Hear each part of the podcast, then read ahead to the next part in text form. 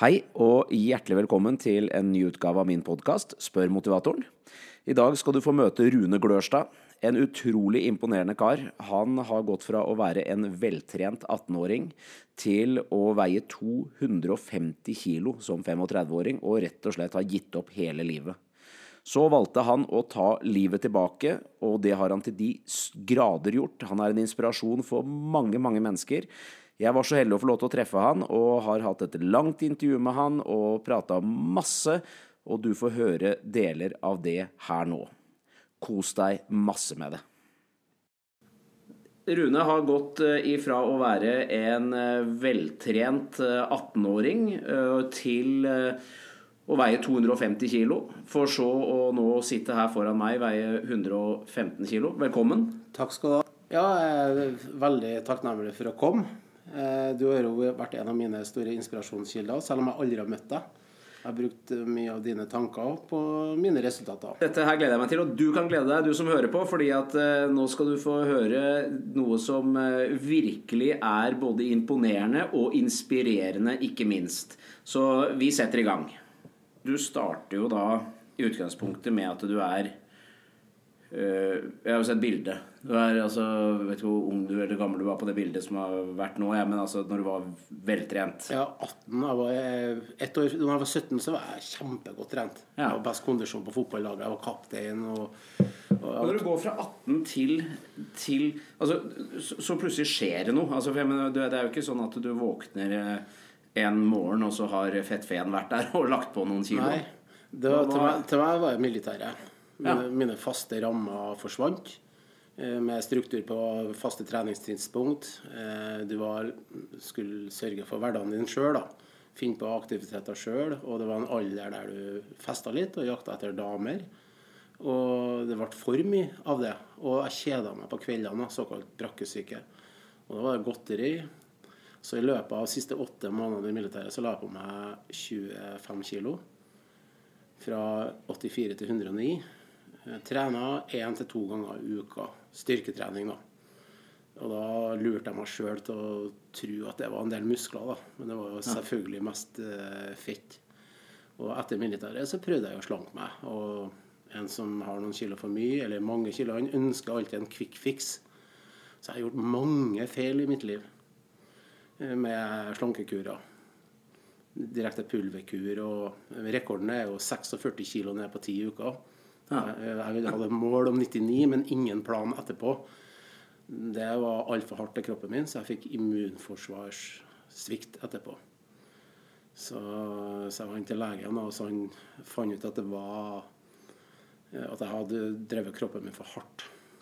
Og selvfølgelig gikk det da mye muskelmasse fra kroppen òg, som sørger for forbrenning. Mm.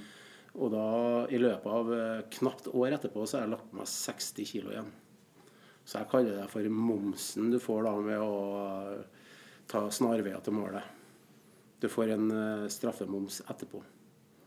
Men, hva, men jeg tenker sånn, hvorfor stopper ikke? Eh, for at, det er jo, Du er en oppegående fyr, så du ser jo dette i speilet. At liksom, jøss, her kommer kiloene på igjen. Og så, og så skjønner du årsakssammenhengen nødvendigvis. Ja, det, det, vet du hele veien. Du vet at du lever usunt hvis du røyker mange sigaretter, drar ofte på fest og spiser usunn mat og buksa blir for lita, så vet du Alle vet det, at de lever for usunt. Men det, det, er et eh, tiltak å, få gjort noe med det. Du, du, mangler motivasjon. Du ønsker gjerne at det er kanskje bare piller eller en kjapp kur, så er du tilbake igjen. Så det må være langsiktighet i det for å lykkes på et langt løp. Men, men du gikk altså fra 18 til så, Hvor gammel er du nå? Nå er jeg 46. 46, Så 18, og så har du da så, og så har dette gått en årrekke da, opp og ned. Ja, opp og ned, altså alltid moms hver gang, da. Ja. Eh, for hver ny eh, quick fix. Og det endte opp da som 35-åring på 250 ca. Og Åssen levde du livet ditt da? Eh, I 2007 så var jeg egentlig til slutt veldig isolert, da.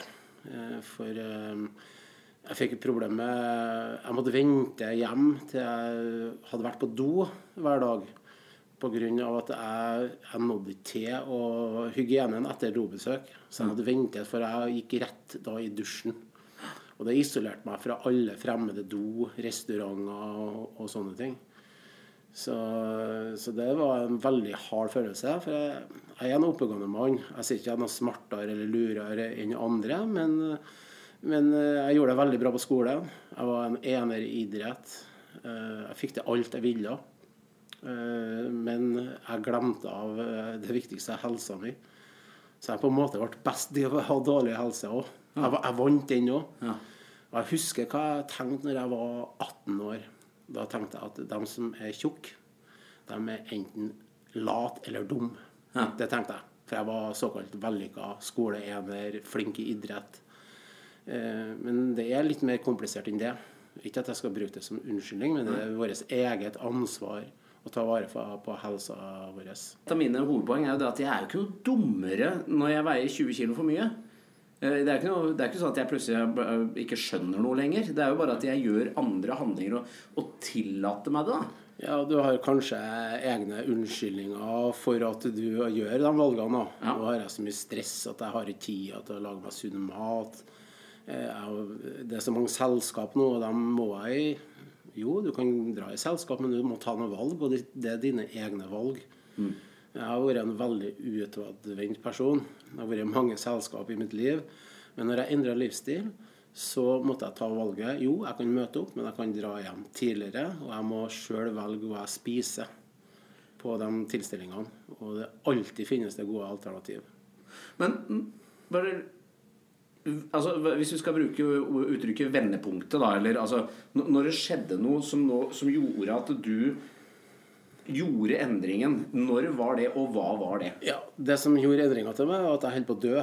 Eh, jeg hadde søvnapné. Søvnapné, pustestans, er også kalt litt sånn 40-årssyndrom. da, Når ja. Eh, mannfolkene eh, gjerne blir litt mer pløsen og litt mer overvektig, så får de pustestans. Jeg hadde sånne kraftige pustestans som jeg våkna av om natta.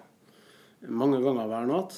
Men den siste, da, midt i november i 2007, var så ille at jeg holdt på å miste livet. Det er en sykdom du kan dø av hvis det går for langt. Også at det er en stor påkjenning til hjertet. Og da fikk jeg ikke sove etterpå, så jeg var våken til ti neste morgen. Hadde møte med meg sjøl og snakka til meg sjøl i tredje person. Glørstad, hvis du fortsetter her, så dør du i senga. Du må ta grep. Og da tenkte jeg om hva har jeg gjort feil før? Alltid søkt etter quick fix. snarveier til målet. Alltid mislykkes. Her må jeg tenke langsiktig.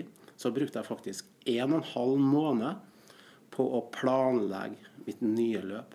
Bare planleggingsfasen. Jeg tok liv, livreddende grep umiddelbart. Ingen fest på mange måneder. Og kutta røyken på dagen den gangen. For det var livreddende grep. For jeg skjønte såpass at uh, jeg mangla surstoff når jeg sov, og da røyk dårlig. Og, og jeg hadde jo flytta grensene. Jeg røyka bare 25 hver dag. Jeg. Det syns jeg var ikke noe mye, men var jeg på fest, røyka jeg gjerne 70-80. Alt var ekstremt. Og alt uh, jeg sjøl trodde det var, på en måte var normalt. Ja. Og også mine nære omgivelser følte at det var normalt. For hvis du er på en gal retning, da, så vil du, vil du, flytte grensene hele veien. Hva du, hva du aksepterer. Også med kilo. Den verste grensa f.eks. med vekt, den verste grensa jeg har passert, det var 100 kilo. Det året jeg var mellom 19 og 20 år. Ja. Det var verste grensa. Når jeg passerte 200, så ga jeg på mange måter faen. Det var, det var, så, det var så, mye uansett. Ja. At det, det er som musa som eh, tisser i Atlanteren. Ja. Det, det, har ingen innvirkning om det er 199 eller 201. Eh, eh, jeg bare neglisjerte det. Helt til jeg ble innhenta veldig kraftig. da. Det, det, mange, altså Jeg var impotent i fem og et halvt år. Det òg venta jeg meg til etter et år eller to. Jeg aksepterte situasjonen og trodde at det blir sånn resten av livet. Eh, og det er sånne overraskelser du kan få. Du legger deg langsiktige mål, og som regel så er det bedre frem med målene enn hva du kan ane på forhånd. Mm. Du får masse oppturer. Det er også hardt, da, og noen nedturer. Eh, men du kan oppdage så mye artig på veien. Sånn som den dagen jeg måtte gå ned 80 kg for jeg knøyde skoene mine. Jeg hadde fokus da i ett år og sju måneder på med skoen i all slags vær. Eh, været skulle, bestemte meg skulle ikke bety noen ting. Ikke storm, orkan og lyn og torden. Jeg kunne ikke være idiot heller. Men ett år og sju måneder med det fokuset der, da våkna jeg en morgen, og da hadde jeg morgensprø. og det var en fantastisk følelse. Det er ingenting seksuelt i det. Nei.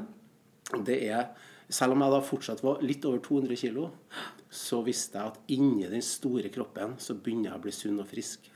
Så hvis jeg fortsetter med det, eh, den jobben jeg gjør, så vil jeg kanskje ha morgensbrød flere dager framover. Og det forteller meg at jeg er frisk. Og det ga meg også enda mer motivert til å fortsette jobben som jeg hadde starta på. Du, hvis du går tilbake når, når du begynner opptrening altså du er, Når du veier 250 kilo eh, det, det, det sier seg jo sjøl at du, du starter jo liksom ikke med eh, med noen lange løpeturer da. Altså, hvor, hvor begynner man? Hva gjør du? Og, og ikke minst, hvordan klarer du å holde deg gående, liksom? Ja, det der brukte jeg jo en og en halv måned på å planlegge. For jeg var jo veldig urørlig. Nesten, jeg var nesten sengeliggende stort sett hele døgnet. Men jeg klarte å stå maks ett Hvis jeg sto og gjerne støtta meg så klarte jeg å stå ett minutt av gangen. Brukte jeg håndløkker for butikken, så kunne jeg gå flere minutter, men da hadde jeg støtte. Så jeg fant en smart redskap hjemme i huset mitt. Jeg bestemte meg Nå er jeg på en måte en toppidrettsutøver i, mitt, eh, i min kamp da, som ekstremt overvektig. Så jeg fant frem støvsugeren. Så støvsugerstanga den brukte jeg som rekvisitt.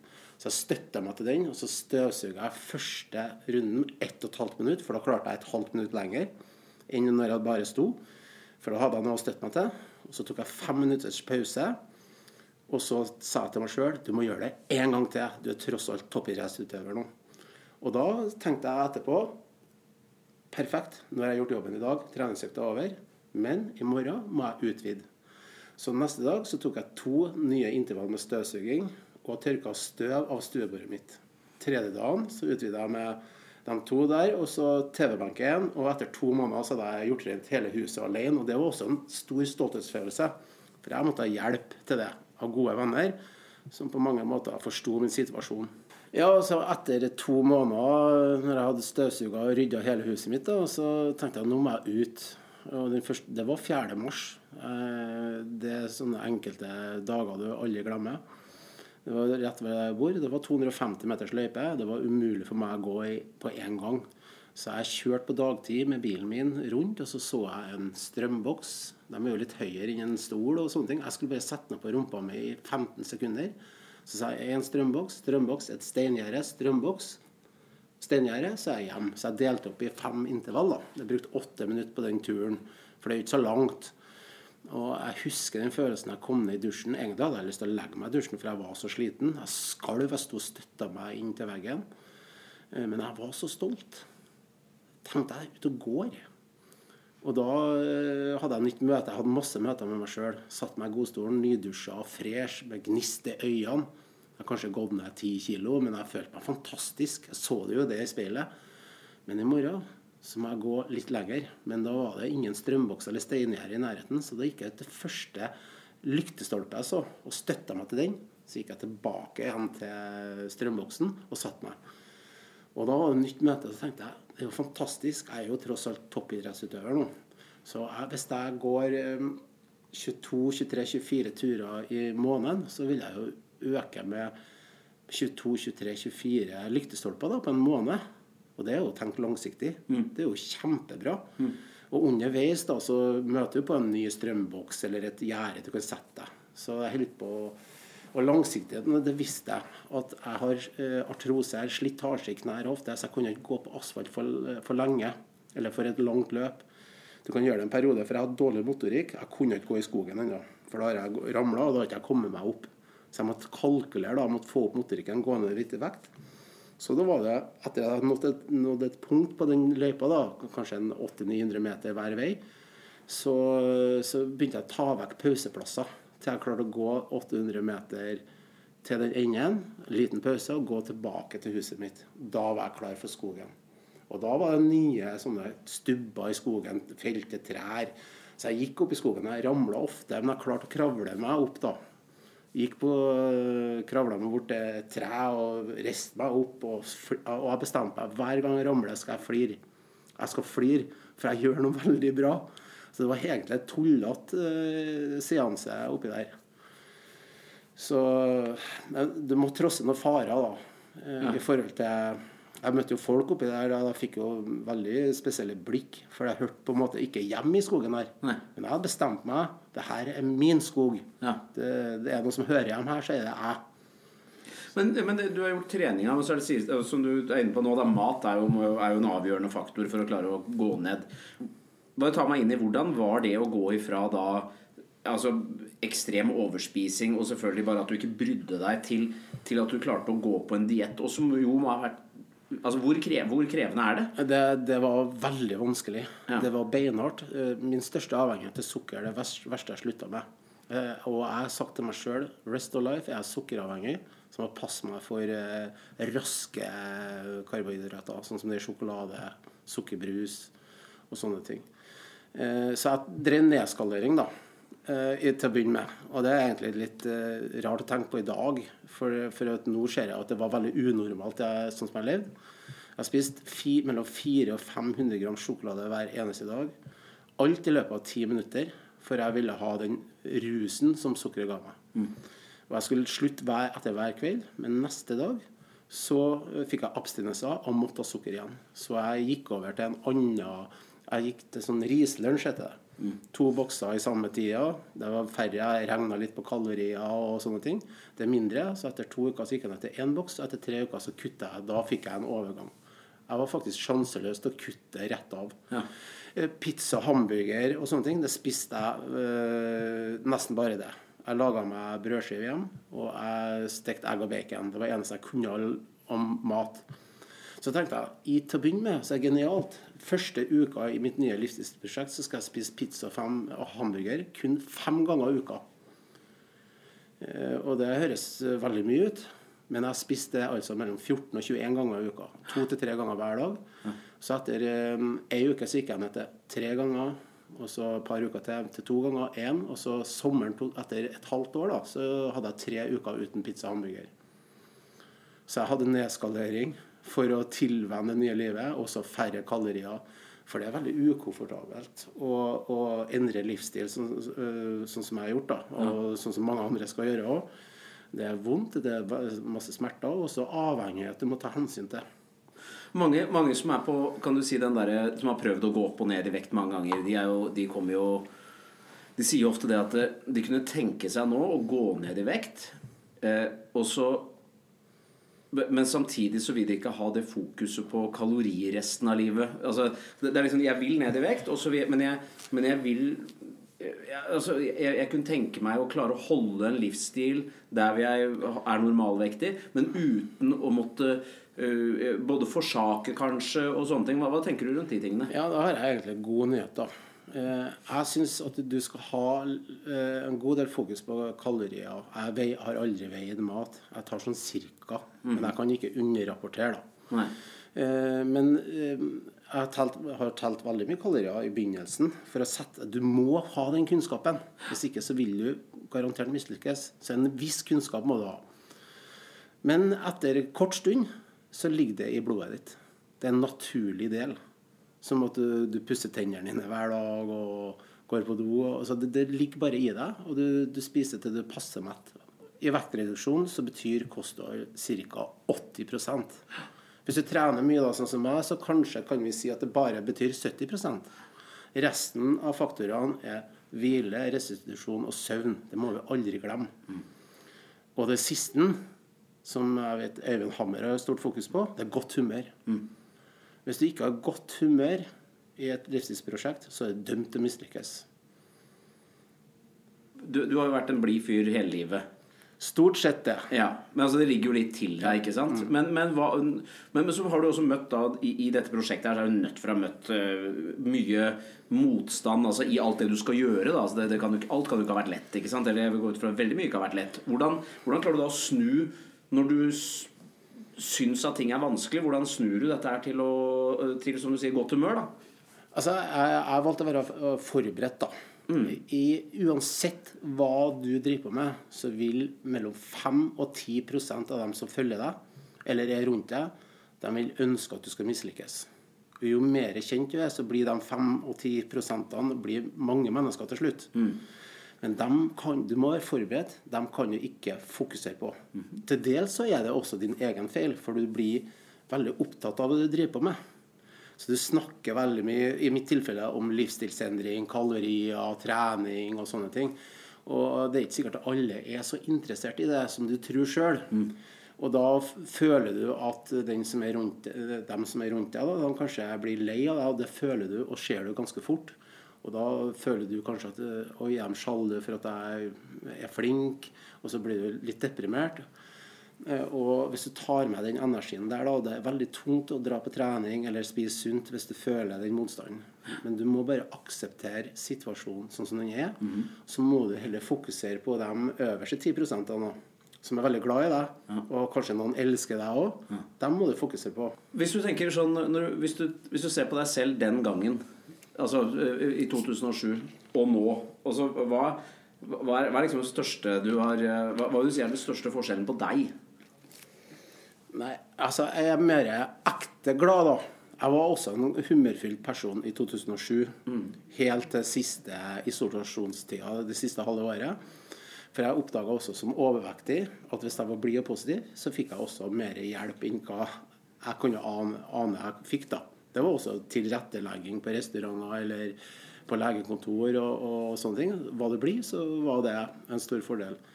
Men i dag så er gleden mye mer eh, ekte, føler jeg. For jeg er, jo, jeg er jo stolt over det jeg har gjort. Jeg har mye mer livsglede. Jeg har, har morgenspray hver morgen, og det er jo pga. at jeg er frisk. Eh, og jeg har mye mer energi. Eh, og mye mer livsglad. Og det betyr jo egentlig alt. Eh, og så føler jeg meg nyttig.